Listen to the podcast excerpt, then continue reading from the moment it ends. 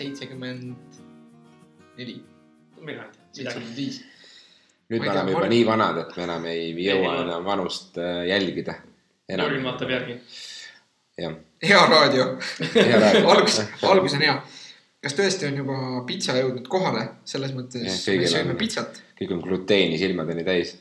jah, juustu, juustu, et äh, me ei, sõime siin päris head pitsat, me ei nimeta firmat, sellepärast et äh, me pidime selle pitsa ise ostma, aga äh, aga sellega seoses on mul tegelikult äh, nädala avastus, et äh, ma nüüd nimetan firmat, aga kas teie kasutate ka toidu kojutoomisteenust Wolt? mina, kuidas ma nüüd ütlen, ma võin rääkida loo, kuidas see käis. ma kuulsin, et sihuke asi on olemas, ma nägin nende rattureid linna peal ja kuskilt pisteti mulle pihku üks sooduskupong, seitse eurot saad alla. ja ma mõtlesin, et noh, aga miks mitte. ja siis ma läksin nende veebilehele ja seal oli võimalus, et logi sisse Facebookiga, ma vajutasin seda nuppu. ja mitte midagi ei juhtunud. ja siis mõtlesin, et noh, ma proovin uuesti, ikka midagi ei juhtunud, mõtlesin, ma proovin teise brauseriga, ikka midagi ei juhtunud Eh, siis mu abikaasa proovis ja siis nagu temal ka ei õnnestunud see ja siis me mõtlesime, et no ma ei tea, tähendab, järelikult ei taha meid oma klientideks ja me saatsime selle kogu värgi pikalt. aga siis läks eh, paar kuud mööda ja mu abikaasa siiski otsustas, et ma proovin ühe korra veel ja seekord tal õnnestus. ja pärast seda me oleme päris mitmel korral tellinud, sest et nende koju toomistasu on, see kulleritasu on odavam kui tellitoidul. Äh, ja mina, mina ka kasutan, aga mitte aktiivselt, võib-olla mingi kord-kaks kuus satub seda kodutellimist või järgi minemist või ükskõik, et ta on selles mõttes hästi mugav, minu meelest kasutajasõbralik ja, ja meeldiv keskkond, millega endale toitu valida, kui ei tea, kui jääb pood, poodi minek ära nagu. et äh, eks äh, Wolt nagu muidugi osavalt manööverdab ja on heaks näiteks sellest nagu äh, nii-öelda, kuidas äh, hinda optimiseeritakse, nagu meil ka praegu taksojagamisteenuste ja kõikide muude asjadega on, et äh, et kullerid ei ole ju Woltis mitte tööl erinevalt tellitoidust, vaid nad on nii-öelda nagu kullerteenuse partnerid või midagi ja vahepeal oli probleem sellega, et et autosid ei saanud kasutada nagu selleks kullerteenuseks, sellepärast et tervisekaitseamet kuidagi nõudis, et kui autoga veetakse toitu, siis see peab vastama mingitele spetsiifilistele tingimustele. aga nüüd mingi viisiga on nad sellest uuesti mööda saanud, sest äh, taas veetakse toitu ka autodega. ma näiteks talvel tellisin endale kesklinnast ühed burgerid koju ja siis kaardi peal näitab, et jalgrattur tuleb mööda Anne kanali äärt. Ja siis ma ootan, ootan, vaatan akna pealt ja siis tegelikult äh, jalgratturi asemel tuli hoopis Peugeot. jah, jah, et, et. ja Peugeot võib olla jalgratas ka, see oli auto. et, et aga üks vahe jah, olid neil ainult äh, ratta, rattakullerid selle tõttu, et noh, et nad kuidagi sellest regulatsioonist on nüüd ümber ja mööda saanud ja kõiki makse ja kõiki asju optimeeritakse. aga ma tahtsin rääkida hoopis sellest, et, et vahva on näha nii-öelda nagu psühholoogia teadust rakenduses või et kuidas äh, see noh, seda nimetatakse ka selles valdkonnas käitumisökonoomikaks, kus siis proovitakse aru saada seda, et kuidas inimesed äh, nagu mõtlevad ja, ja, ja mis emotsioonid neil tekivad ja siis see rakendada nii-öelda nagu raha teenimise teenistusse. ja mis on nagu sihuke üsna äh, noh, paljud ilmselt teavad seda, mõned võib-olla ei tea, on see, et inimestel on alati raske nagu leppida, et raskem on leppida sellega, kui sa nagu tajud, et sa jääd millestki ilma või et see olukord muutub nagu kuidagi justkui halvemaks Jah. võrreldes sellega, et sa saad mingisuguse positiivse üllatuse või justkui võidad midagi. kuigi objektiivselt võttes on see olukord tegelikult täpselt sama. jah, et see on see inglise keeles öeldakse selle kohta loss aversion. just, et ühesõnaga, et see, see, kuidas seda nagu on üks sihuke katse, kuidas seda leitud on see, eks, et antakse auhinnaks. et sa, sa läbid mingisuguse uurimuse ja siis sulle antakse auhinnaks mingisugune kruus. ja siis sulle hiljem pakutakse võimalust vahetada see kruus mingi parema auhinna vastu. aga kuna see tähendaks oma olemasolevast auhinnast loobumist, siis inimesed ei tee seda. kuigi olukorras, kus neile antakse valida selle kruusi või teise auhinna vahel, siis alati valitakse umbes see teine auhind. et see on nagu see, et sa ei taha oma sellest olemasolevast kruusist loobuda. jah, et, et neid nagu hästi erinevaid katseparadigmasid seal, aga kuidas see, kuidas selle nii-öelda teadmise on oma teenistusse rakendanud Wolt ja näiteks Tellitoit ei, veel ei ole. ma ei tea, kui keegi siin selle firma nagu tegijatest või kes on äh, seotud, kuulab seda, siis, siis las võtavad mõne psühholoogiga ühendust. on siis see, kuidas äh, arvutatakse või kuidas see on hästi käepärane, on see, et kuidas arvutatakse sulle äh, toidu koju toomise aega ja kuidas kuvatakse.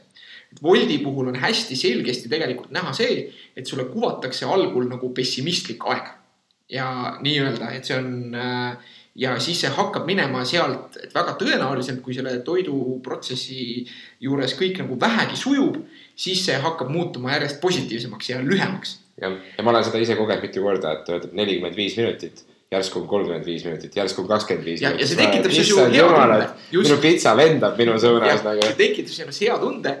Samas kui tellitoidul on selgelt see, et ta võib-olla ütleb, et see toidu koju toomine läheb näiteks kolmkümmend viis minutit. aga siis, kui kolmkümmend viis minutit on täis või kui noh, ütleme kolmkümmend minutit on umbes täis, siis ütleb, et oi, et tegelikult läheb ikkagi nelikümmend minutit. Mhm. ja inimesed võtavad sellist uudist nagu palju negatiivsemalt kui seda, et äh, alguses öeldakse nelikümmend viis minutit ja siis ütlevad, et läheb nelikümmend minutit Mhm. ja, ja ma sain seda kogeda nüüd nagu, ma olin selle peale mitmeid kordi mõelnud, aga nüüd ma sain äh, kogeda sellest ka nagu nii-öelda mündi teise külje. kus ma siis äh, valisin äh, esimest korda läbi Woldi selle, et ma läksin ise toidule järgi. ja siis oli selgelt see, et ma kodus vaatasin seda, et ahah, et tellimuse täitmise aeg umbes pool tundi. seal vist näiteks kakskümmend kaheksa minutit. ja siis, kui ma kodus askeldasin ja mul oli see äh, ma veel unustasin nagu rattaga tulles unustasin pusa nagu kaasa võtta ja mõtlesin pärast, et õhtul tagasi sõita on muidu külm, et võtan pusa ka kaasa. ja siis ma vaatasin, siis selle aja jooksul tegelikult ei muutunud see aeg väiksemaks. ja see aeg hakkas muutuma väiksemaks alles siis, kui ma hakkasin jõudma toidu kohale lähemale. Mhm. nii et ilmselt seal algoritm ei arvuta seda mitte selle järgi ainult, ei võta arvesse ainult seda, et kui nagu äh, kui kaua reaalselt selle toidu valmimisega aega läheb. mis siis lõppes selleni, et tegelikult oli näitas mul aeg veel pikka aega, et nagu oh, näed, et viisteist minutit veel ja jõudsin lähemale. ja siis, kui ma olin sellest toidukohast umbes äh, rattaga siis umbes noh, ütleme kuskil saja viiekümne meetri kaugusel ja oli veel äh, ma veel aeg-ajalt jäin meelega seisma ja nagu vaatasin, sest mind huvitas see. ja näitas, et oli üksteist minutit veel ja siis, kui ma sõitsin paar meetrit veel edasi, siis ütles, et teie toit on valmis Mhm. Ja noh, siis ma jõudsingi reaalselt juba mingi kahe minutiga kohale ja noh, toit oligi valmis. ja noh, ilmselt on seal ka mingi selline skeem, et noh, ma tahaks loota või et see on nagu loogiline, et seal arvestatakse ka näiteks nagu selle justkui äh, siis tellija liikumise kiirust, et äh, võib-olla nagu, kui vaadatakse, et ahah, et ta liigub sinna restorani poole nagu teatud kiirusega, et võib-olla nagu ei antagi restoranile enne käsklust või et see restoran näeb, et tal on selle toidu valmistamisega nagu ennustatavalt nii kaua aega. Mis on nagu sihuke hea optimiseerimine sellest, selles mõttes. aga teisest küljest ka ilmselt seal on, et Woldi puhul on näha seda, et nad kasutavad seda nii-öelda, et nad pakuvad sulle alguses alati äh, pessimistlikuma aja ja siis sa justkui tajud, et sa saad need asjad kätte kiiremini ja sul on hea olla. jah, aga siin muidugi teine pool on nagu see, et ähm, mida mina olen paar korda kogenud, mitte küll Woldiga ja mitte ka tellitoiduga vist, aga noh, nagu mingite teiste ettevõtetega, mis nagu omaalgatusel toitu toovad, kus on see, eks, et sulle alguses öeldakse mingi aeg või et sa tellid mingi konkreetseks kellaajaks. ja siis inimesed äh, on agarad ja toovad sulle asjad varem kohale. ja siis on nagu see, et aga miks sa tõid varem, ma tahtsin neid selleks kindlaks kellaajaks või et sa ütlesid, et läheb tund aega, ma eeldasin, et läheb tund aega, ma saan vahepeal teha midagi muud, näiteks ma käin ära poes ja, ja toon endale mingisugust limonaadi, mida ma tahan sinna kõrvale juua. Aga siis sina jõuad varem kohale, kui mind pole üldse kodus näiteks. et selles mõttes, mingis mõttes on see, et ju võiks olla nii, et kui sulle öeldakse mingi kellaaeg, et siis sa saad nagu sellele kellaajale toetuda. et juhul, kui sa soovid mingisuguseid plaane teha, siis sa ei pea nagu jooksvalt hakkama ennast hullumoodi ümber organiseerima mm. -hmm. Äh, noh, need erinevused ei ole nagu väga suured olnud.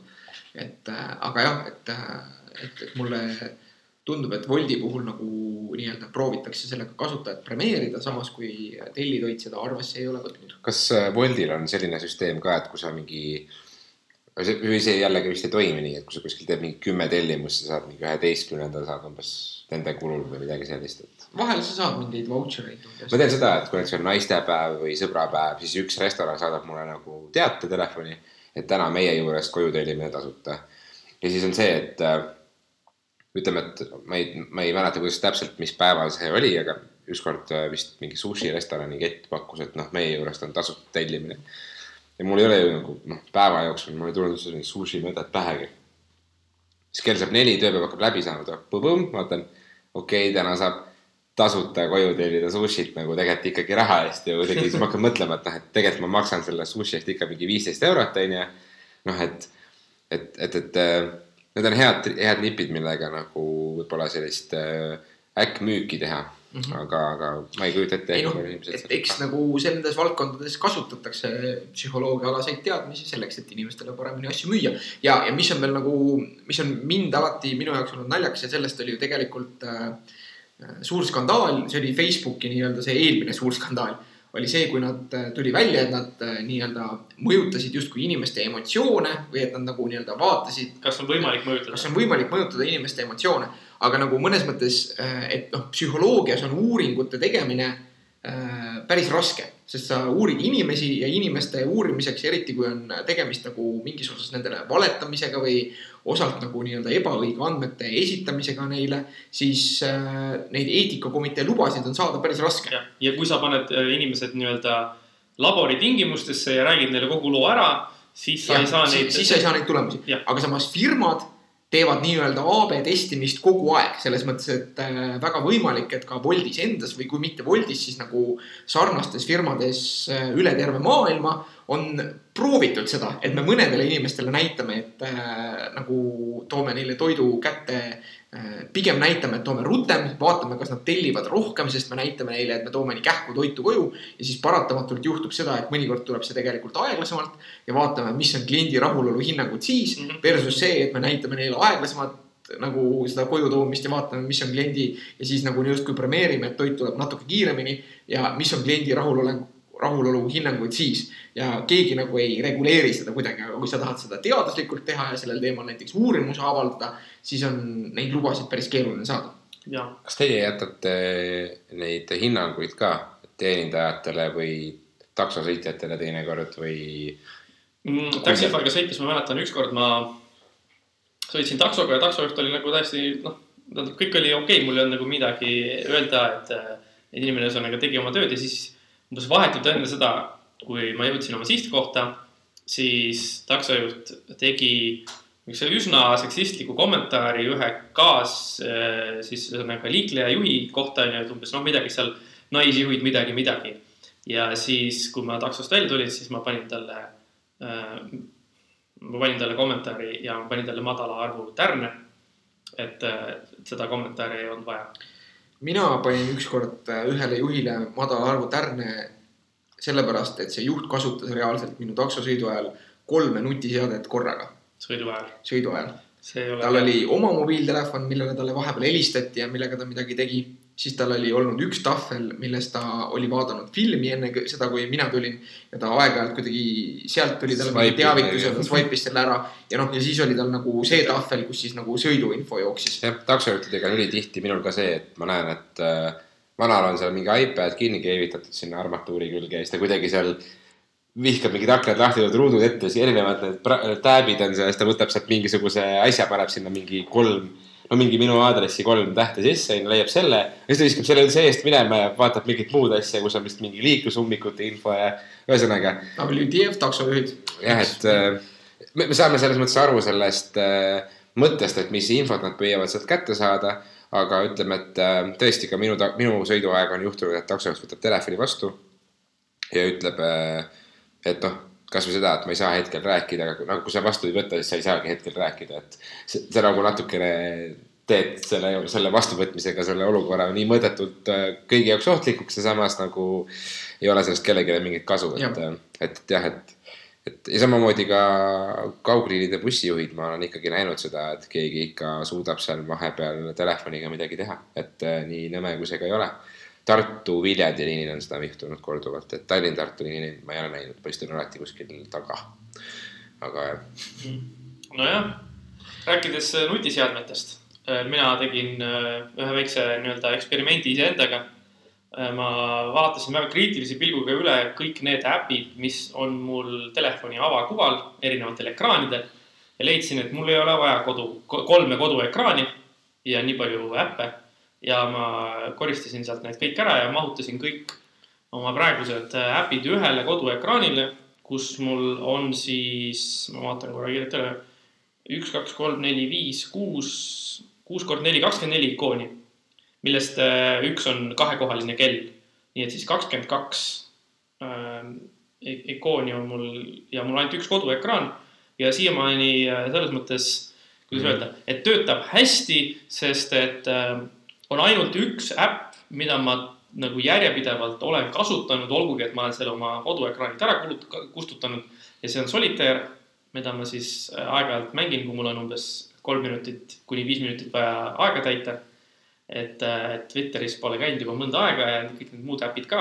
et ma tunnen ennast hästi, ma arvan, et eksperiment on selles mõttes olnud edukas, et ma olen nagu suutnud kahandada niisugust mõttetut tele, telefoni näppimist.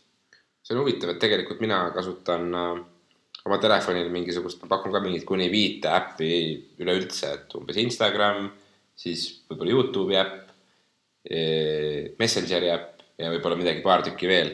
aga samas mul on seal neid seinu vist on kolm või neli tükki, mis on ikoone täis, aga ma tean täpselt, kõik asuvad lisa, lihasmälu järgi, ma tõmban pöidlaga ja valin selle ja ma isegi ei vaata seda ikooni, vaata, et. ja see on huvitav. ja teised, teised mind nagu selles mõttes ei sega.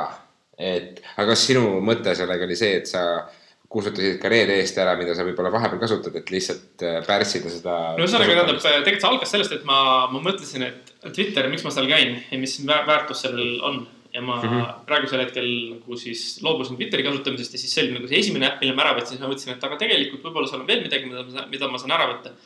ja mingis mõttes oli see siis kombinatsioon sellest, et ähm, kahandada mingite äppide kasutamist ja teiseks ka mingis mõttes vähendada nende nii-öelda klikkide arvu, mida ma pean tegema, ehk siis kui mul on ikkagi kolm koduekraani, siis mingite äppide kasutamiseks ma pean ju noh, vahetama ekraane, et sealt seda äppi üles leida.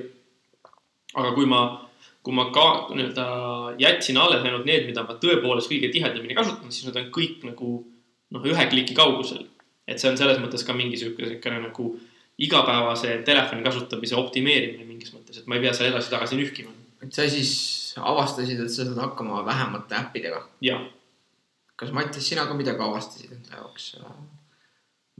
jah. kahest nädalast, sest sa ei ole meil kaks nädalat saates käinud. jah, et äh, kõigepealt eelmise nädala saade, et äh, väga hea saade on. Äh, tunnistan, et ma ei ole seda lõpuni jõudnud kuulata, küll aga olen seda jõudnud päris palju kuulata ja näen ka inimeste kommentaare ja näen inimeste reaktsioone sellele saatele, et see on toonud väga palju kõlapinda nii-öelda, et, et, et jah, olin, olin tõesti eemal tervise tõttu ja, ja tegelikult olen siiani alles ennast ravimas aga see selleks, et äh, ma, minu nädala, mis mõttes nagu ja avastus on äh, põhimõtteliselt üks ja sama asi.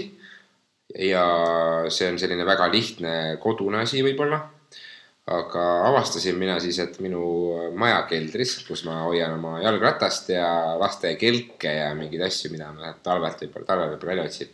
Aga jalgratast ma siis käin sinna viimas nagu peaaegu igapäevaselt, et äh, minu maja keldris elab äh, mingi mees.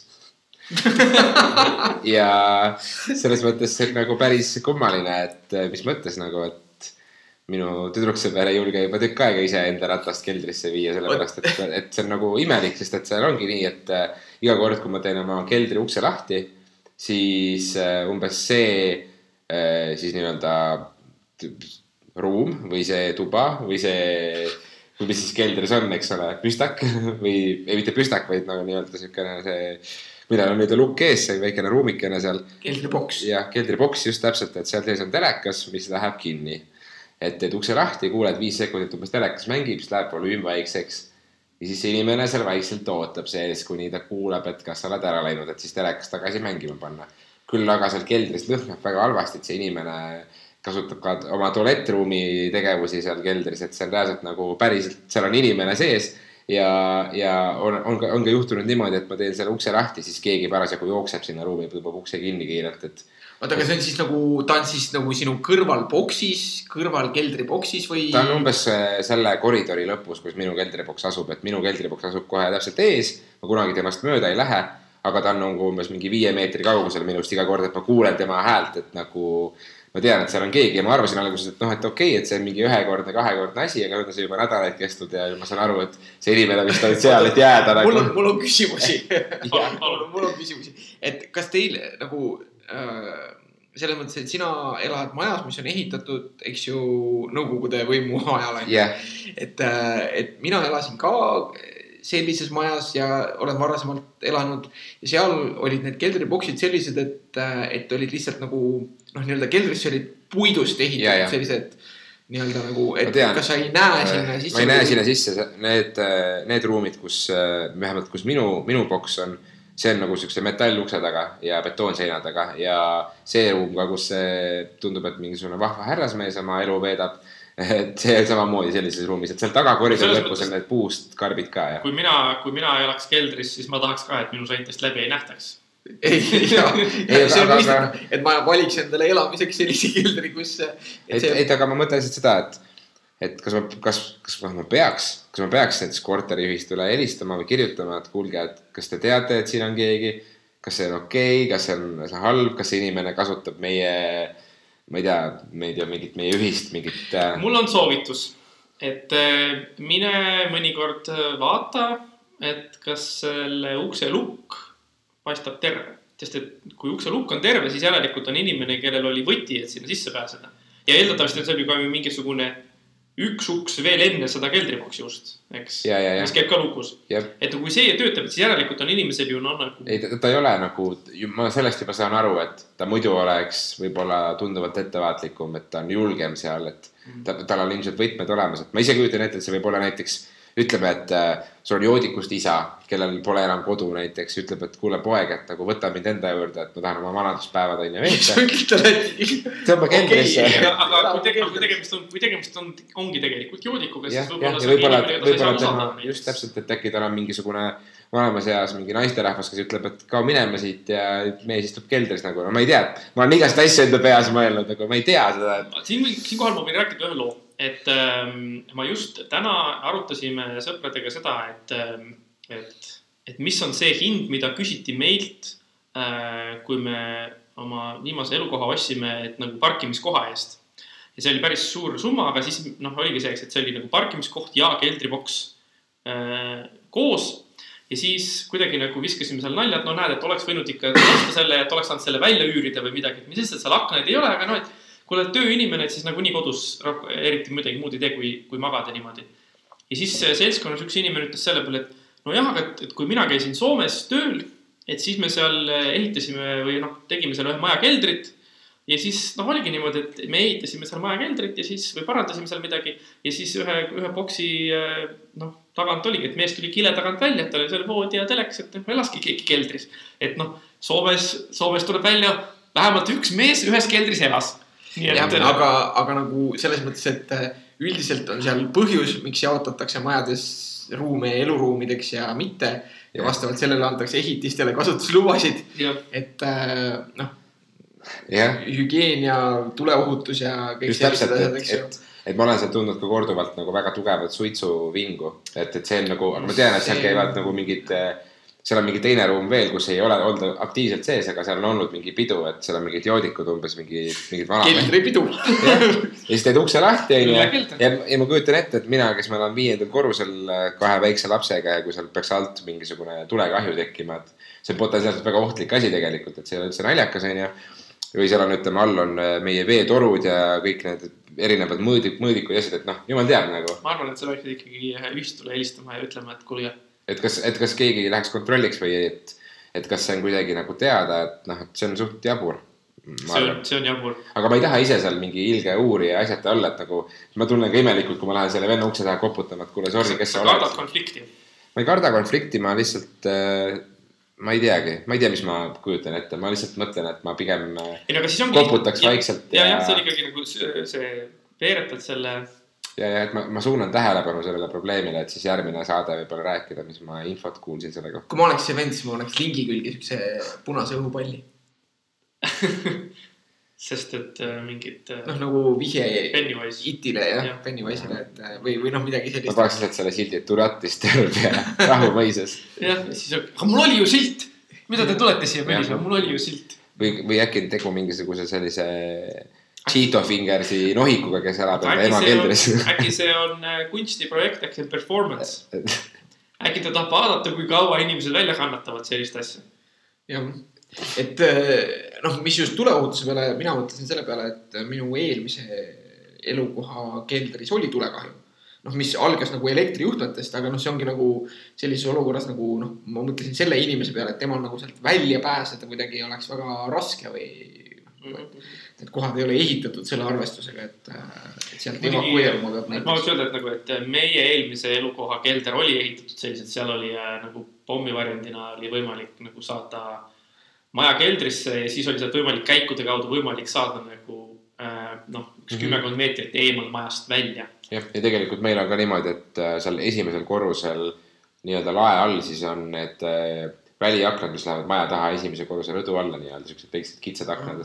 Et küllap, kui ta sealt mingi kiviga viskaks, ta saaks välja ronida, aga, aga noh, me nüüd jah, ühesõnaga inimene elab keldris ilgelt kuidagi kriip ära kinno keldrisse ratast viima, mul on endal selline tunne, et ma häirin teda või noh, saad aru, et iga kord, kui ma lähen ja võt-, võtmetega klõbistan, siis ma kuulen, et kuskil läheb telekas kinni, siis ma tean, et nüüd ta kuulab mind. nüüd mul on imelik, ma tahan kiirelt ära minna sealt. vahepeal ma isegi mõelnud seda, et äkki keegi ründab mind, sest et minu keldriboksis on äh, elektripirn läbi läinud ja kui ma lähen ratast viima, siis ma lähen nagu kott pimedasse, et ratast sinna sisse tõsta.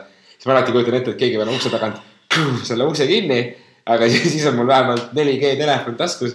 ma saan helistada et, et ma, ma ei ole vaadanud, aga noh, see on nagu see, et, et peaks olema, et kuule, ma nüüd olen keldris, et palun tule päästa mind ära, et kriipermees äh, pani mind luku taha. et, et jah, palju mõtteid, aga, aga peaks uurima jah, et äh, vot sellised ko- kodused nädala avastused on mul. kord vares, nüüd mees keldris. elu seal Annelinnas ikka on äh, kahtlane, ma ütleks, tundub. no vot äh,, Annelinnas jah, jah, just Jah. täpselt. meil oli mingi mõte, eks. Äh, mina tahtsin rääkida enda nädala avastusest. Aga palun, räägi. see on kõige üldisemalt, noh, ma loen palju igasuguseid toitumisega seonduvaid materjale ja, ja ma sattusin sellistele kokkuvõtvatele postitustele sellest teemast, et tegelikult äh, ei ole nagu äh, sportlane ja taimetoitlane olla üldsegi nii äh, raske kaldkriips kahjulik, kui varasemalt arvatud. et, et tegelikult noh, mis on alati nagu see äh, kla- klassikaline stsenaarium on see, et äh, et justkui äh, ühtepidi nagu rumal on küsida nagu, et noh, et mis taimetoitlased, et kust te oma valgu saate, eks ju. Ja teisipidi sama rumal on äh, see vahel see taimetoitlaste vastus, et aga vaata umbes ninasarvikuid ja gorillasid, et kas neil tundub nagu olevat loomsest valgust puudus. sest see ei tööta, ei, noh, see ei ole nagu nii lihtne, aga tundub, et, et nagu biokeemias ja füsioloogias on jõutud sinnamaale, et esiteks on nagu see valgu justkui kvaliteet või et see, et palju seal neid asendamatuid aminohappeid on, on nagu vähem olulisem kui varem arvatud. Ja kombineerides siis näiteks teravilju ja kaunvilju äh, on ja, ja võib-olla veel nagu mõnede noh, pöörates tähelepanu mõnedele just nagu aminohapetele nagu teadlikumalt, on võimalik saada nagu noh, peaaegu sama kvaliteedilist nagu aminohappekokteili nagu loomset toitu süües oota, aga kust need aminohapped tulevad sul praegu? minul praegu. ei, ei, selles mõttes selle, selle hüpoteetilise sportlasest taimetoitlase puhul. Kaunviljadest ja teraviljadest aa, nii selles mõttes ei ole ikkagi, selles mõttes oleks ikkagi niimoodi, tähendab, et, et ta, ta, ta valib oma taimetoidu selliselt, et need taimetoidud sisaldaksid neid samu aminohappeid, mis muidu tuleksid loomsest toidust. no lihtsustatult jah, okei okay., et äh, lihtsalt ma tahangi. jah, ja, ja, ja teine asi on siis see, et, et varasemalt on hästi palju hirmutatud nagu noh, et selline kõige kättesaadavam taimetoidu valgulisand on soja ja et on hirmutatud sellega, et kui sa oled ikka meessportlane ja tarbid nagu seal sojavalku, siis sulle kasvavad tissid ja mida iganes, sellepärast et see mõjutab nagu äh, östrogeeni ainevahetust, mistõttu ka äh, noh, nii-öelda need, kui on see roosades pakkides valk, mis on niinimetatud nagu mingi naiste toidulisand või midagi sellist, see tihtipeale sisaldab soja, aga nagu meeste oma mitte nii väga. aga et tegelikult ei mõjuta sojavalgu söömine siis niivõrd äh, testosterooni ja östrogeeni äh, nagu sellist ainevahetust. aga mis juht- juhtub teoreetiliselt minuga siis, kui ma ütlen esmaspäeva hommikul hakkan peamiselt soja sööma, erinevaid soja kujul tooteid, mis on sojast tehtud.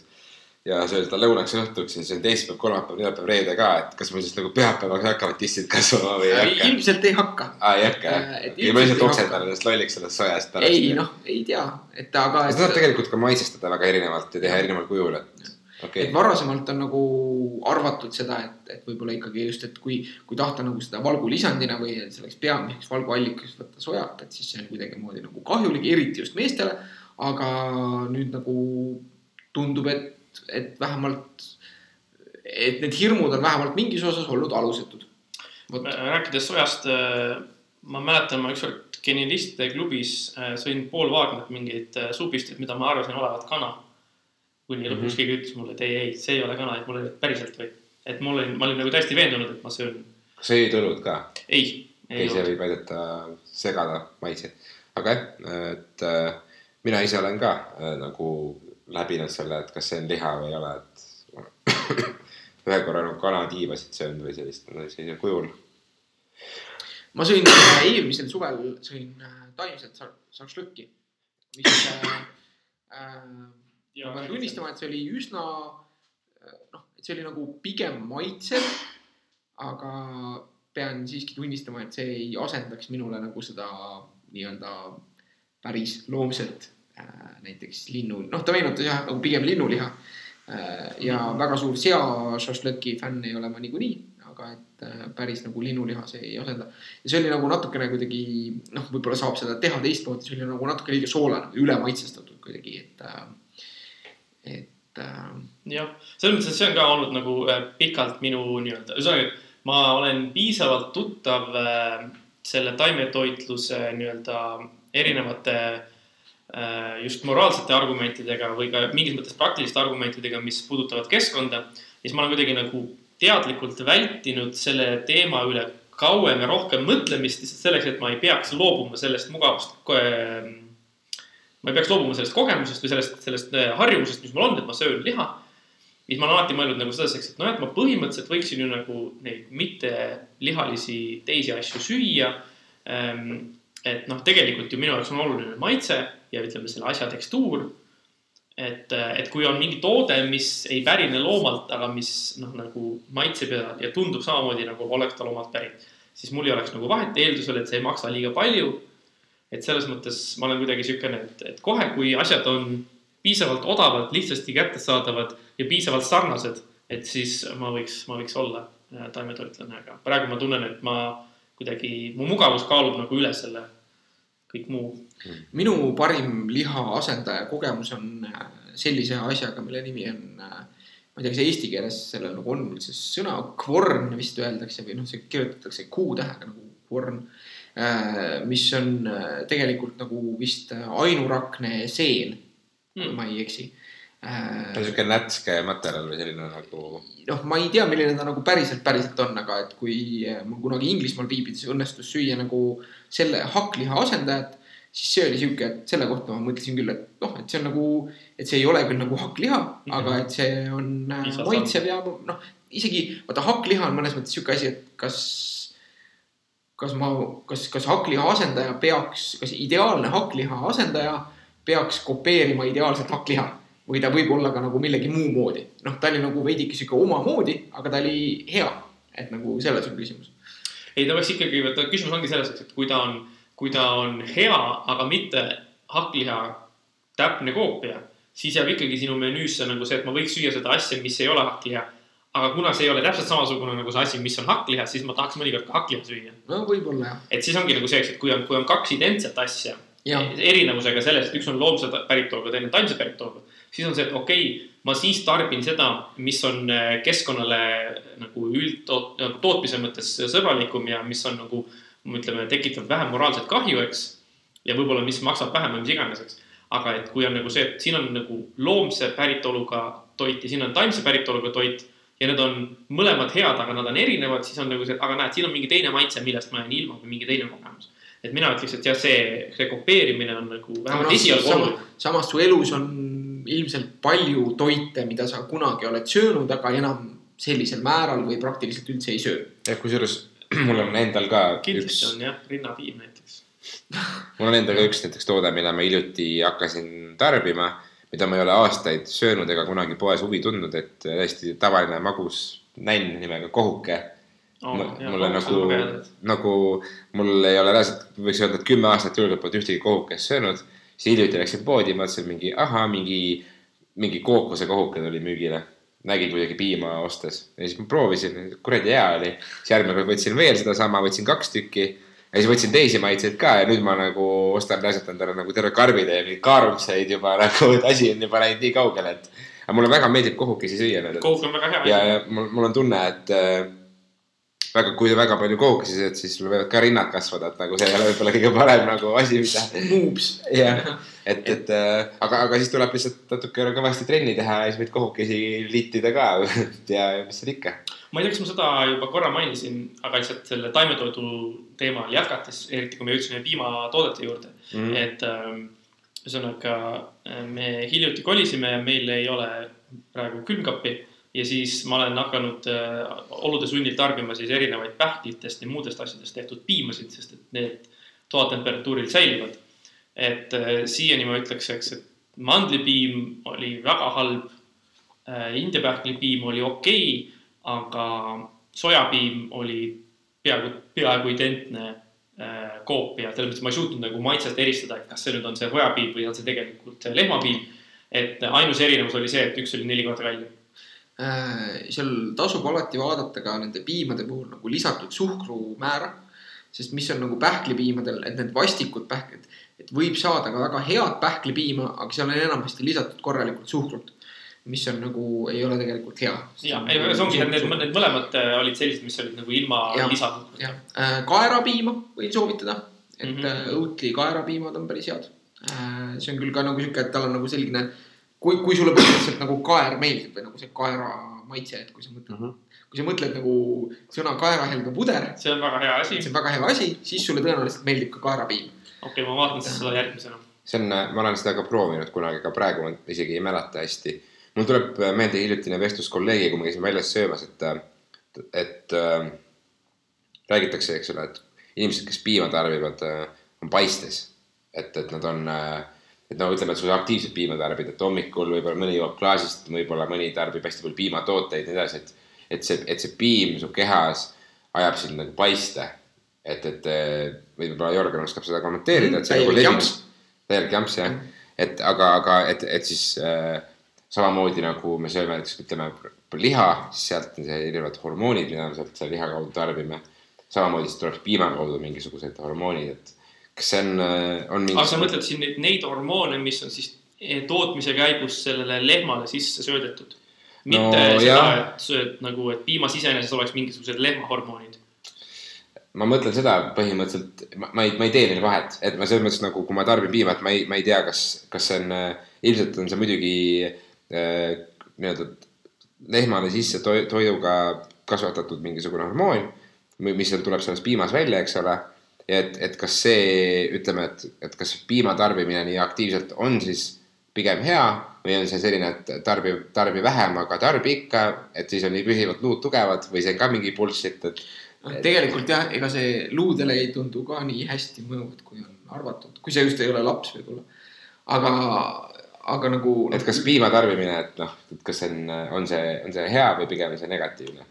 kui sa oled nagu noh, kui see sul kõhtu lahti ei tee, Ahah. mis on nagu see, sest te, sest tegelikult nagu ei ole eestlastest äh, üldse, et maailmas kõige nagu laktoositolerantsem, ütleme siis äh, ühiskond vist on või nagu riik on Rootsi, kui ma õigesti mäletan. ja eestlastest vist umbes veerand on laktoositalumatud äh,. aga seda, sellel on võimalik siis nagu erineval määral olla laktoositalumatu. et äh, aga mis oleks mõned sümptomid äh, sellest, kui keegi on laktoositalumatu? äh, noh, eelkõige seonduvad nagu seedimisega, et äh, kõhulahtisus, sihuke gaas, kõhupuhitus või nagu selline. ja kui ma Outlit joon, kas mul tekivad samad? ei, Aga see- aga see- sõltub piima, laktoos on piimasuhkur. ja, ja aga ütleme, et see, kui, kuidas öelda, kui kiiresti pärast tarbimist need äh, sümptomid peaksid siis ilmnema, et selles mõttes, et, et nagu kui keegi tahaks näiteks, kui keegi näiteks mõtleb, et huvitav, kas ma olen laktoosi siis tuleks minna perearsti juurde. ah,, okei okay., aga kas kodus kuidagi ei saa, et oleks nagu põnev teadusprojekt? see nagu selliste enda noh, see end, kõige parem ongi vaadata, et kas sul on seda ensüümi või ei ole, mis seda laktoosi lõhustab. Mhm. eks ju, et see on nagu ka, sest, sest me oleme sellest kunagi rääkinud, et nagu igasuguse nagu nii-öelda enda diagnoosimine toiduga seonduvate sümptomite ja, ja noh, nii-öelda kõige üldisemas mõttes positiivsete ja negatiivsete mõjude suhtes on äärmiselt ebausaldusväärne. sellepärast, et lisaks sellele, et äh, noh, inimese mõistus on niikuinii nagu kipub kergesti nägema seoseid seal, kus neid ei ole. Believe. jah, siis, siis nagu äh, on evolutsiooni psühholoogiliselt põhjendatav, et meil on nagu need seosed seoses söömisega tekivad eriti lihtsasti. Mhm. sellepärast, et äh, olla eriti tundlik nagu igasuguse nagu äh, siis nagu CD-süsteemi distressi suhtes või igasuguste negatiivsete sümptomite suhtes, mis on millegi söömisest võib tulla, olles nagu teatud mõttes ülitundlik just nagu lühiajalises perspektiivis. et noh, me ei räägi siin sellest, et kui sa sööd nagu kakskümmend aastat järjest mingeid asju, eks ju, et siis mm, -hmm. siis see nagu võib-olla hakkab halb. aga, aga et ülitundlik olles just nagu lühiajalise selle mõju suhtes, see on olnud nagu- evolutsiooniliselt kasulik. sest et see on nagu pigem karta kui kahetseda. jah, just. aga kusjuures mul oli hiljuti kahekuune äh, nii-öelda siis äh, ravimikuur, kus, mille käigus siis mul soovitati äh, igasugune piima tarbimine välja jätta oma dieedist ja oma toitumisest ja tegin seda esimesed poolteist kuud äh, täiesti ja siis viimased paar nädalat mul oli juba nagu kuidagi, et noh, et sõid kookesi. jah, et kohukesed tulid ja siis ma hakkasin jälle kohvi sisse panema piima, see on nii väike kogus, et see ei nagu ei tohiks. aga ma tundsin selles mõttes nagu võib-olla see platseebo efekt või selline, et ma tahan uskuda, aga ma tundsin ennast natukene nagu võib-olla kergemini, et mul ei tekkinud siukest nagu, nagu nagu piimaga tekib sihuke mull nii-öelda tekib sulle sisse natukene, mis läheb välja kuidagi, et mul ei teki niisugust mulli. see võib olla individuaalne tõenäoliselt, tõenäoliselt ei teki, aga noh, seal on ju selles mõttes, et nagu söömise suhtes me jällegi, me ei saa neid muu, noh. et mm. -hmm. su menüüs muutus midagi muud ka. Et Jah. võib-olla selle piima asemel sa sõid midagi muud või siis vastupidi, just sa sõid seda piima vähem ja selle tõttu näiteks su päevane kaloraaž oli kümme protsenti madalam selle pooleteist kuu vältel, võib-olla. võib-olla jah, mis on ka nagu muutev, mis on mõnes mõttes ju nagu sõlt-, mida tuleb vaadata sõltumatult sellest, et kas sa sööd piimatooteid või mitte. no ja rääkimata sellest, et ma võtsin mingisugust keemiat iga päev sisse, mis võib-olla üldse ajas mu söögiisu ära, mida ma ei pannud tähele nagu. Jah. et noh, et see on, aga, aga hiljuti Joe Rogani saates oli ka, keegi käis külas ja rääkis, et et, et, et äh, püüdis vist aastaid nagu nii-öelda trenni, trenni ja, ja toitumise kombineerimisel siis nagu ka- kaalu lagetada, aga kaal oli kinni. ja noh, trenni tehes siis lihased kasvavad natukene, kaalu tuli juurde, onju, mis on normaalne. aga, aga ütleme, et siis nagu äh, alles hiljem nii-öelda analüüse tehes siis äh, sai teada, et, et mi- mis, mida ta siis toidu, toidu juures peaks täielikult välja jätma, umbes, et asjad, mida sa nagu võib-olla muidu ei kahtlusta või, või ongi kas piimatooted või mõned inimesed ikka tarbivad nisutooted ja nii edasi, nii edasi, eks ole, et, et ähm, et umbes see inimene, kes rääkis, jättis need välja ja siis tal nagu tuli see tema selline nagu see tema, tema nii-öelda liikkilod kadusid ära lõpuks. nojah, aga see on jällegi see, et, et noh, ma vist olen seda öelnud ka, et mul on Joe Rogani saatekülalised nagu toitumise teemas on nagu hästi ühte auku kõik. ja, ja, ja, ja, ja nagu tihtipeale räägivad nagu päris. me räägime, me räägime ka tihtipeale toitumisest ja nädal juba. Aga- aga õnneks meile keegi ei ütle, et me, me eksime. jah, keegi meil ei ole veel öelnud jah. et noh, mis puudutab nagu piima ja nisutooteid, et kui sa oled ameeriklane ja sa jätad ära piima ja nisutooted, siis sa sööd kohe vähem burgereid, vähem pastat, vähem igasuguseid asju nagu nii-öelda poolfab, igasuguseid Jah. nagu eelvalmistatud noh, saiakesi, ponšikuid, noh, mis iganes, et sa jätad tõenäoliselt menüüst välja nagu terve hunniku asju, mis äh, lihtsalt nagu võimaldab sul palju efektiivsemalt hoida enda sellist äh, adekvaatset isu ja täiskõhutunnet ja, ja päevakaloraaži seal, mida sa tegelikult vajad. et, et, et jällegi, et seal ei ole väga tõenäoliselt see mõju ei ole nagu konkreetselt selles piimas ja nisus. just, just, et see suhkrukogus ka, mis me nende toodetega ilmselt tarbime, on suur. ja kui me järsku muudame midagi, siis meil tuleb selline väike suhkrulangus nii-öelda ja siis on selle olukorraga hakkama saamiseks me hakkame kiirelt otsima mingisuguseid aineid ja tooteid, mida me tahaks ilgelt sisse ajada just, kui ma mõtlen selle peale, et, et välismaal ju noh, näiteks äh, nad kohukesi väga ei tunne ja kodujuustuga nad ka nagu pigem ei tunne, et siis ongi nagu see, eks, et kui sa mõtled piimatoodete peale, et siis noh, ma ei tea, sul on jäätis ja jogurt, mis on mõlemad väga magusad ja rohkem. küll jah. et siis ongi nagu see, et, et, et kui sa juba hakkad sealt otsast võtma, siis on nagu jah, juba, et sa oled küll piimast ilma, piimatootest, aga sa oled ühtlasi ka suurtest kaloritükkidest ilma.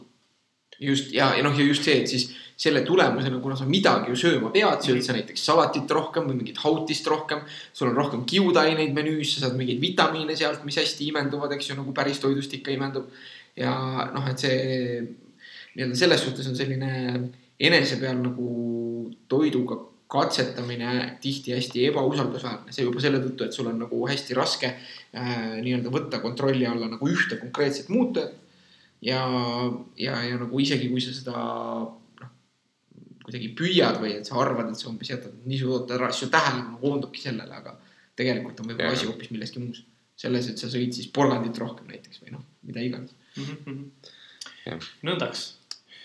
juustust äh, rääkides. täna me rääkisime toitumisest, oleme kõige rohkem rääkinud, sest me alustasime ju ka sellest pitsast ja. jah, aga hiljuti oli Inglismaal vist oli see juusturalli või?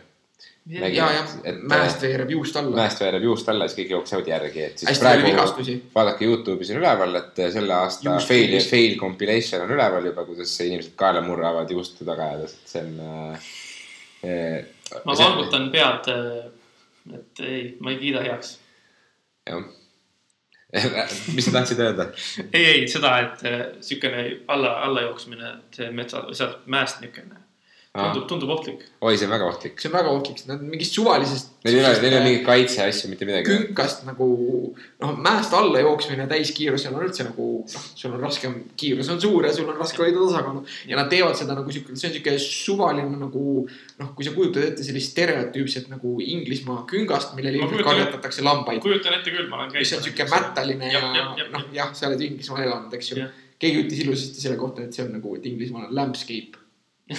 jah, just. et, et see, et noh, ja siis sealt nüüd siis inimesed äh, grupiviisiliselt jooksevad võidu alla ja kuna nad jooksevad siis ühele veerevale juustukerale järgi, siis nad jooksevad ka puntrasse korralikult. jah, jah, no teisest küljest jällegi, et vaba maa, tehku mis tahavad. vaba maalapp. jah, et äh, selles mõttes. kuulge, kas me räägime sellest ka või mitte? millest? arutelukultuurist, võime rääkida ka arutelukultuurist. aga räägime siis. mul on mõned niuksed ähm, ma siinkohal saaksin äh, rääkida sellest, et ma avastasin ka seda, ma sõnastasin, et eelmise saate peale nagu reflekteerides, et äh, üks nendest asjadest, mis mind Jordan Petersoni juures häirib. ja, ja see on, ma nagu jõudsin järeldusele, et inimene, kes justkui ähm, presenteerib või esitleb ennast ka kui nagu teadusliku mõtteviisi eest seisjat või, või nagu justkui ta nagu ammutab ja nagu, et see tõenduspõhisus on tema jaoks tähtis väärtus. ja Äh, et ta esitab ennast sellisena, siis minu arvates ei tohiks enda väiteid esitada nii.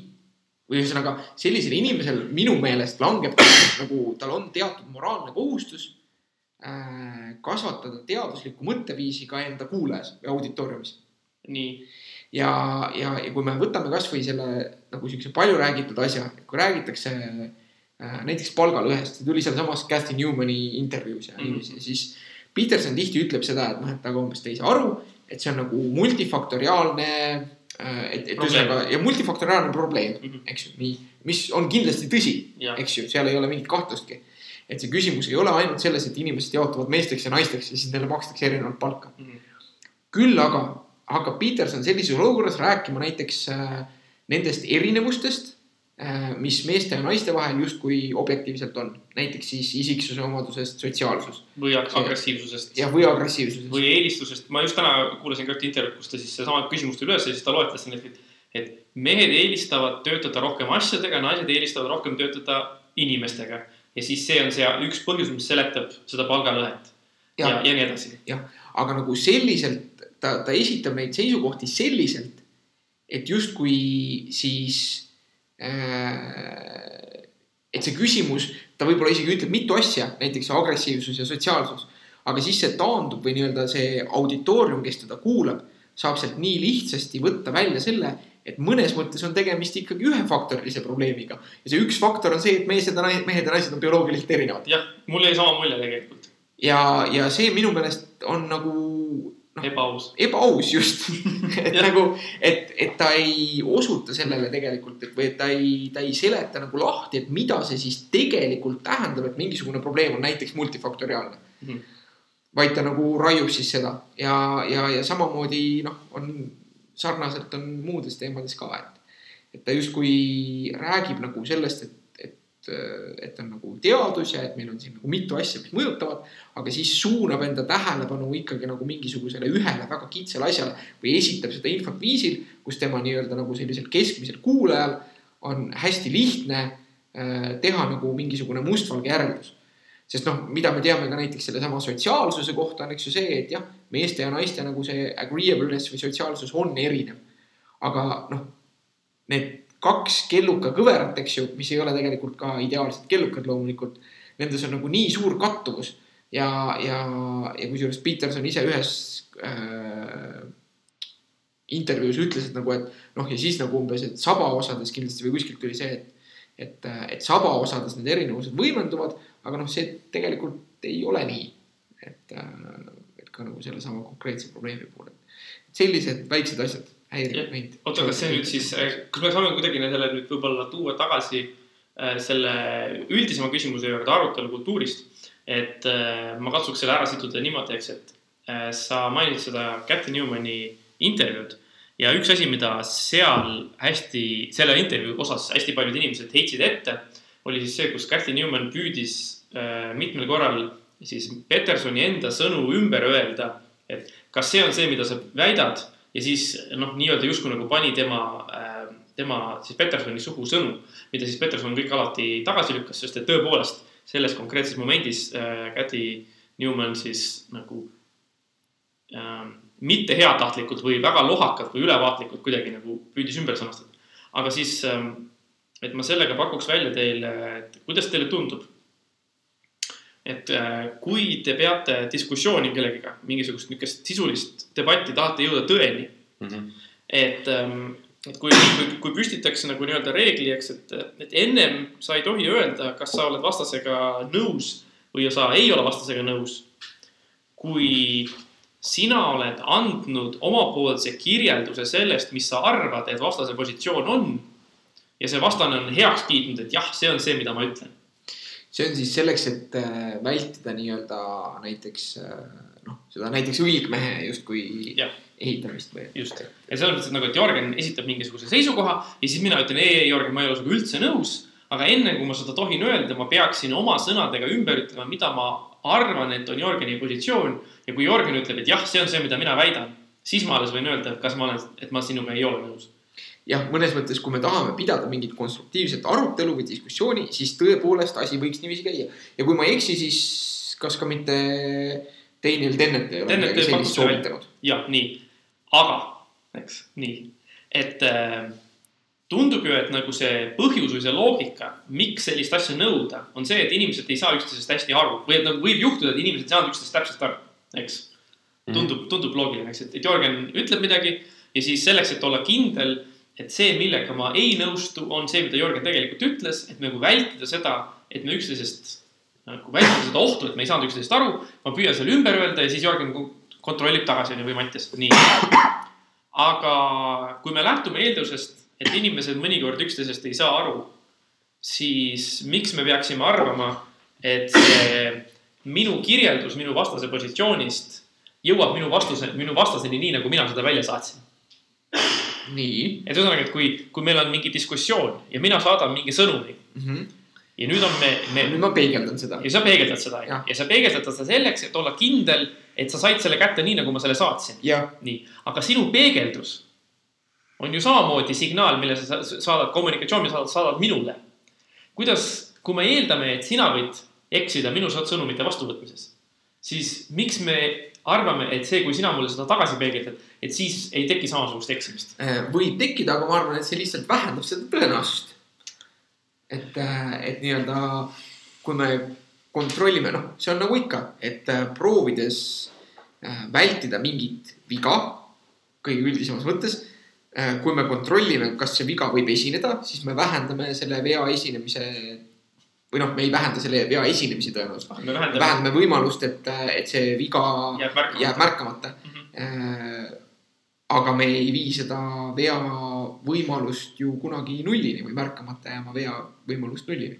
aga see on, jah, see on niisugune nagu, kuidas me nagu, noh, ma hakkasin mõtlema selle peale, et, et kuidas ma nagu näen, et arutelu noh äh,, tihti toimub avalikus sfääris või, või mingites äh, noh, toidulaudade taga või kuskil podcast'is või internetis on ju.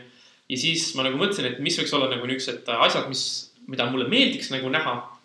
ja, ja kuna ütleme, kui ma filosoofia äh, seminaris olen ja tudengeid nagu õpetan, siis nagu see on üks esimesi asju, mida ma neile ütlen, et näete, et kui me mingit teksti loeme või, või kui te mingit esseed kirjutate, on ju, siis te ei saa öelda, et te olete kellegiga nõus või ei ole nõus ennem, kui te ei ole lugejale öelnud, eks, mis te arvate, et mis see seisukoht nagu on, eks.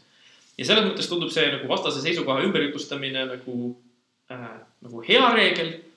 aga mulle nagu hakkaski tunduma, eks, et, et samas see, see nõue selle järele on justkui nagu see, et on oht äh, arusaamatusteks ja siis on see, aga kuidas see oht siis selles mõttes väheneb, sest me ju ei, me sisuliselt ei ju noh, ma ei tea, me, me tekitame nagu suhtlust juurde ja seetõttu me mingis mõttes ju ja et võib-olla me hoopis suurendame. suurendame seda võimalust. jah, ja tõenäoliselt, aga noh, et, et see küsimus on nagu selles vastastikuses minu arust siin puhul. et ühesõnaga, et kui, et kui teine pool on ka nõus sellega, mis ma ütlesin, et siis vähemalt on nagu, ei tunne, et keegi talle, keegi talle oleks liiga tehtud. ma ei mõelnud seda, aga see ka jah, et, et nagu sul on subjektiivselt võib-olla endal parem. ja teine võimalus on ikkagi see, et kui sa arvad, et on noh, kui sa ei saa mingit vastusignaali, et millest ta nüüd aru sai või ei saanud, eks ju. siis, siis sa ei tea, kas ja kuidas ta sai sellest aru, aga kui sulle antakse mingi peegeldus, eks ju, siis, siis sul vähemalt mingisugune idee tekib noh, et sa võid sellest valesti aru saada, aga see idee on nagu või tõenäosus on lihtsalt väiksem. okei. Okay nüüd üks järgmine teema, mis mul, mind on ka nagu pikalt painanud ja, ja mida ma olen nagu mõelnud, et mm, mis on nii-öelda niisugune nagu, kuidas teile näiteks tundub, et mis on nagu hea niisugune suhtumine või, või hea niisugune mõtteraam, kuidas debatti nagu minna, et ma, ma annan nagu kaks niisugust äh, poolt on ju, et äh, et kui sa oled niisugune nagu, kuidas öelda, niisugune mingis mõttes niisugune kõrvaltvaataja positsiooniga, niisugune hästi neutraalne kuidagi katsuda olla niisugune, jääda niisuguseks nagu mitte kallutatud emotsioonidest ja olla hästi ratsionaalne ja loogiline. siis see tundub nagu hea viis diskussiooni pidada, eks. jah, absoluutselt. aga teisest küljest on nagu see, et kui sa ennast kuidagi nagu ära lahutad sellest või oled kuidagi kõrvalvaataja positsioonina, et siis on nagu see, et kui sul ei lähe tõeliselt korda äh, nagu üks või teine positsioon, siis sul ka mingis mõttes puudub nagu niisugune stiimul tõeliselt sellest arutelust osa võtta. või tõeliselt sa ei ole nagu, sest et kui on, kui ütleme noh, ma ei tea äh,, Albon, võta see Petersoni, võtame midagi muud. ma ei tea, räägime maksudest on ju, eks, et on mingisugused inimesed, kes on veendunud, et äh, astmeline tulumaks on tegelikult kõige õiglasem ja, ja parem, eks, ja keegi teine inimene ei ole selles veendunud. et siis ongi nagu see, eks, et neil on nagu, nad on nagu tõeliselt emotsionaalselt investeeritud sellesse debatti, nad tahavad, et nende pool võidaks ja see motiveerib neid selles arutelus nagu osalema ja tegutsema mm. -hmm. aga teisest küljest jälle siis me ütleme, et aa, näed, aga ta on emotsioonidest nagu kallutatud, ta võiks olla rohkem ratsionaalne, aga kui sa ennast liialt ära lahutad, siis on nagu see, eks, et aga mind tegelikult ei huvita, et milline pool võidab, et noh, nagu ma ei tea, kuidas teile nagu tundub? mis eh., mis mõtted teil nagu on?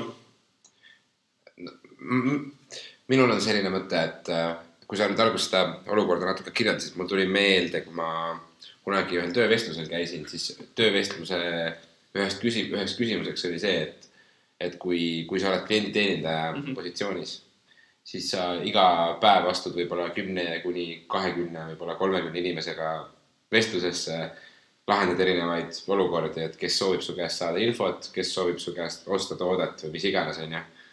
Et äh, et ütleme, et on äh, kaks vastanduslikku seisukohta. et kas siis õigem oleks äh, minna selles mõttes nagu neutraalselt laiali, nagu et sina pakud siis neutraalse lahenduse või tuleb nii-öelda enda seisukohalt võtta siis mingisugune konsensus ja jääda selle juurde ja lüüa nii-öelda kirves seal kohas maha ja teha, teha nii-öelda, et, et minul on mingisugune eelistusvalik.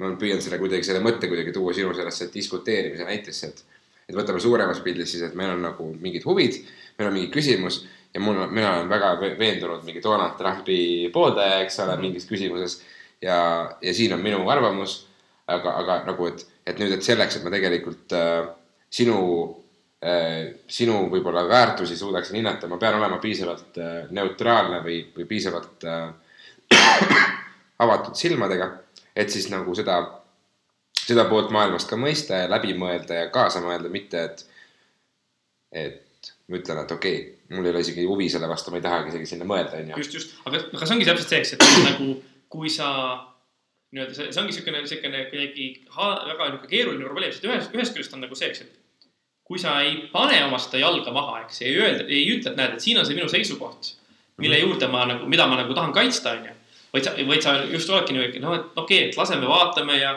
kaalume ja, ja kõik on nagu olemas, siis ju mingis mõttes tekib nagu, no näiteks kui sa oled selle debati kõrvaltvaataja, siis on nagu see, et aga see mees ei usu mitte midagi. või ta, ta, ta, ta, ta ei seisa millegi eest. Ja see- ja kui sa oled selles diskussioonis osaline, siis on nagu see, eks, et noh, et noh, et kas sa võtad seda asja üldse tõsiselt piisavalt või et, et nagu, kas sa tahad kuhugi nagu jõuda või et sa, või kas sa üldse, kas sa üldse nagu võtad seda diskussiooni äh, selle nõutud äh, nii-öelda hoolsusega. et noh, mina olen olnud mõnikord olukordades, kus on see, et keegi, kes hoolib mingisugusest seisukohast, hakkab seda nagu kaitsma ja minu jaoks on nagu tegelikult täiesti ükskõik, eks kumb pool võidab ja siis ongi nagu see, eks, et ma nagu hakkan temaga diskuteerima ja ma hakkan nagu mingisuguseid võimalikke positsioone nagu ära märkima mm. -hmm. aga samas, et kuna ma tegelikult ei hooli sellest tulemusest, siis ma olen nagu mingis mõttes niivõrd nagu ebahuvitatud sellest, et minu äh, vestluspartner ütleb nagu, et noh, et, et noh, sa kuidagi, sa, sa, sa ei kohtle mind mingisuguse aususega või aus, austusega, et sa nagu jätad nagu asjad nii lahtiseks, aga teisest küljest, kui sa paned oma jala maha ja ütled, siin on minu positsioon, siis öeldakse, et näed, sa oled põikpäine. et sa, sa ei lase ennast nagu nii-öelda äh, ütleme siis võimalikest vastuargumentidest mõjutada, mida sa nagu peaksid tegema. et see on nagu niisugune noh, ja et see ongi, see ongi hästi keeruline tegelikult, et peab olema võimeline, ma leian, et, et sul peab olema seisukoht, et sa pead kuuluma kuhugile, sa pead esitama mingisuguseid väärtusi inimesena, et et üldse leida enda koht ja enda positsiooni, see on väga õige, see ei ole absoluutselt vale, et sa hoiad ühte äärmusesse või teise äärmusesse, aga püüa alati hoida silmad lahti ja olla tolerantne selle suhtes, et ülejäänud maailm ei keerle sinu ümber, vaid teistel inimestel täpselt samamoodi on omad seisukohad ja niimoodi sellel suurel nii-öelda lahinguväljas ja oma täpikestega oletegi nagu, et igalühel on täpselt sama palju õigust kui sinul. et, et nüüd, et sinna kohta jõuda, siis võib-olla näiteks ütleme noore inimesena, kes äh, teinekord ei mõista, et miks on vaja näiteks ülikoolis käia, miks ma lähen sinna ülikooli, mis ma õpin seal, et ma saan tööd teha, ma saan raha teenida juba praegu, vaata. aga kui sa lähed ülikooli ja sa võib-olla õpid mingit ainet, mis sulle võib-olla natuke pakub huvi, aga seal on mingid ained sees, mis sulle tegelikult üldse huvi ei paku. aga sa töötad need läbi ja saad ikkagi head hinded ja sa õpid nagu tegema midagi, mis sulle võib-olla ei meeldi, õpid võib-olla vestlema teemadel, mis sulle väga huvi ei paku, aga avavad nii-öelda silmaringi ja annavad sulle nagu mingisuguse kogemuse, et sa oled, oled suuteline kuskil pingis istuma ja teiste inimestega mingisuguseid erinevaid teemasid siis nii-öelda arutama. et ma arvangi, et see ongi nagu võib-olla natukene täiskasvanud inimese või küpsuse märk, et kui me räägime diskuteerimisest kuskil televisioonis näiteks, selline saade nagu Suud puhtaks iga nädal käib, kus arutatakse erinevate teemade üle, näiteks nagu mingisugune vabriku ehitamine Tartusse või mm. -hmm. midagi muud. ja seal on tihti näha, et mõned inimesed on hästi ründavad ja äärmuslikud, teised inimesed on hästi, et ma saan aru, ma olen sinuga, aga me peame neid ka arvestama, püüa aru saada sellest, siis teine Jah. inimene on nagu, kuidas, et see on keeruline ja tegelikult siin nagu ongi, et nojah, see ongi see, et seal on nagu see, seal on nagu inimene, kes on nagu see, eks, et tal on see oma positsioon ja ta mingis mõttes mm. ei taha ja ei suudagi nagu kaugemale näha ja Mhm. selles mõttes see on diskussiooni, ütleme mõttes nagu kahjulik ja halb. aga teisest küljest on ju, kui sul on vastas mingisugune inimene, kes kuidagi on nagu, ma ei tea, kuidagi nagu püüab kõigi sõber olla, et siis on nagu noh, et siis ta nagu ei seisa ju Jah. nagu millegi või kellegi eest, onju, eks. selle aga..., selle kohta on inglise keeles üks vana ütlemine, et uh, if you stand for nothing, then you fall for nothing või midagi sellist. et, et uh, stand for something and then, then you fall for something nagu. just täpselt ja selle, selle positsioonide hoidmisega on nagu üks asi veel, mis mind äh, nagu natukene äh,, kuidas öelda. noh, painab on vale sõna, aga kuidagi nagu, et ma olen mõelnud selle peale just nagu ka selles arutelukultuuri mõttes, eks, et äh, mingis mõttes tundub ju nii, et kui keegi esitab mingisuguse seisukoha, no näiteks kasvõi meiegi siin, me, me ju siis siiski paneme oma mõtteid ja veendumusi, viskame avalikkuse ette, kogu aeg. kogu aeg, eks, nii. siis me tahaks öelda, eks, et, et hea oleks selline maailm, kus inimesed, kui nad nagu oma nii-öelda arvamusi avaldavad, seisukohti esile toovad, et siis nad nagu ka mingis mõttes põhjendaks neid. et nad nagu üt-, lihtsalt ei oleks nii, et noh, et mina arvan, et see on õige või see on vale, vaid ka nad nagu ütleks, miks nad nii arvavad Mm. mm.. et äh, oleks nagu mingisugune veenmisosa seal juures, nii. nüüd on nagu siis, kui me arvame, et see on hea maailm, siis äh, tihti juhtub, vähemalt on võimalus, et juhtub nii, et kui keegi midagi ütleb, siis keegi publikust nagu nõuab tema käest põhjendust. aga miks? selgita, täpsusta, eks mm. -hmm. nii, ja siis on nagu see olukord, kus ähm, noh, ja kui sina nüüd tahad olla niisugune nagu äh, eeskujulik arutelukultuuri osaline, siis sa justkui nagu peaksid nagu talle selle põhjenduse pakkuma. nii, ja siis sa pa- pa- pakud talle seda põhjendust.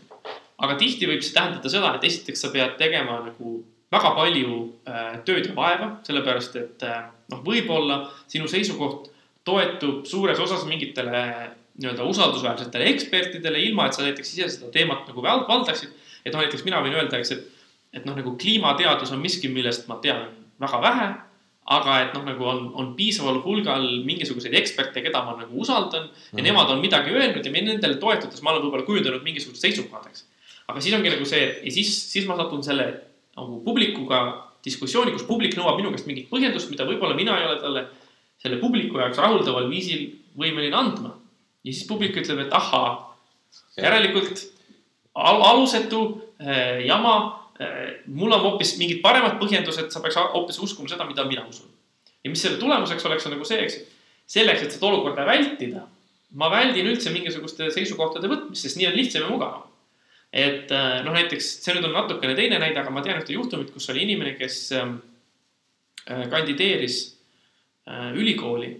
Ja siis see oli selline eriala, kus siis küsiti ka tema käest CV-d kandi-, kandidatuuri osana. Ja siis tal oli alguses seal CV-s kirjas, et ta kuulub ühe erakonna noor, noorliikmete hulka, aga siis vahetult enne ta otsustas selle ära võtta.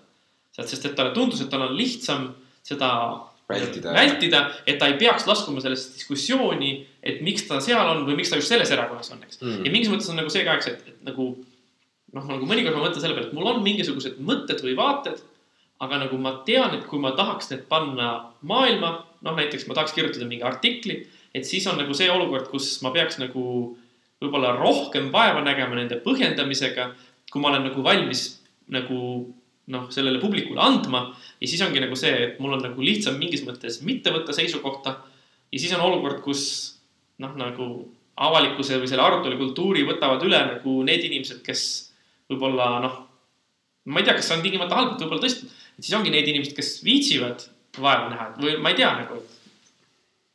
ma arvan, et kõik inimesed viitsivad milleski vaeva näha, onju. et Jah. kuivõrd kirglikult ma hoolitsen selle eest, et ma suudaksin äh, ühte teatud temaatikat kuskil vestluses kaitsta näiteks onju, et, et oi, ma olen lugenud neid allikaid ja, ja sinust ma olen kindlasti kolm raamatut rohkem sellel teemal lugenud. Believe you me, ma tean sinust rohkem onju. ja, ja lisaks sellele mul on ka enda nii-öelda praktiline kogemus olemas onju. et, et äh, keegi ei saa lõpmatuseni see nagu seista selle ühe idee eest ja seda lõpmatuseni kaitsta, et alati on kuskil keegi, kes oskab sulle võib-olla täiendavat infot anda, et pi- pigem jällegi on see küsimus selles nii-öelda avatuses, selles äh, tolerantsuses ja selles nagu, et okei okay,, et ma saan aru, et ma, ma esindan mingisugust väärtust, ma kaitsen seda väga kirglikult, aga ma saan aru ka sellest, et, et, et ma ei ole nagu, ma ei ole sündinud seda ühte asja nii-öelda esindama siia maailma, onju, et see on mingi omandatud, õpitud asi ja, ja see on käigu pealt nii-öelda tulnud ja midagi, miski pakub mulle huvi.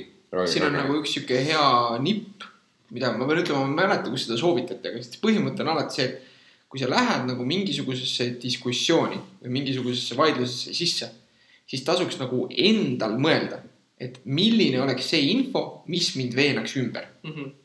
ja, ja mõnes mõttes, kui sul nagu ei tule seda ideed või kui sul ongi nagu hetkel kohe see, et no mis mõttes, et nagu mind ei veena miski ümber selles suhtes, et äh, noh, võtame mingi kurioosse näite, et näiteks, et äh, et mind ei veena miski selles suhtes ümber, et ma ütlen, et, et ma isiklikult arvan, et orjandus on vale.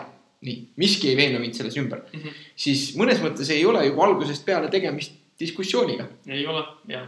või, või et see noh, seda võib isegi võib-olla nimetada diskussiooniks, aga et see ei ole nagu arutelu selles mõttes, et seal ei ole eesmärgiks jõuda välja mingisuguse tõeni või üldse parema kogemusele, vaid siis ongi eesmärgiks on lihtsalt nii-öelda sul esitada oma seisukohti, mida sa kaitsed tulihingeliselt.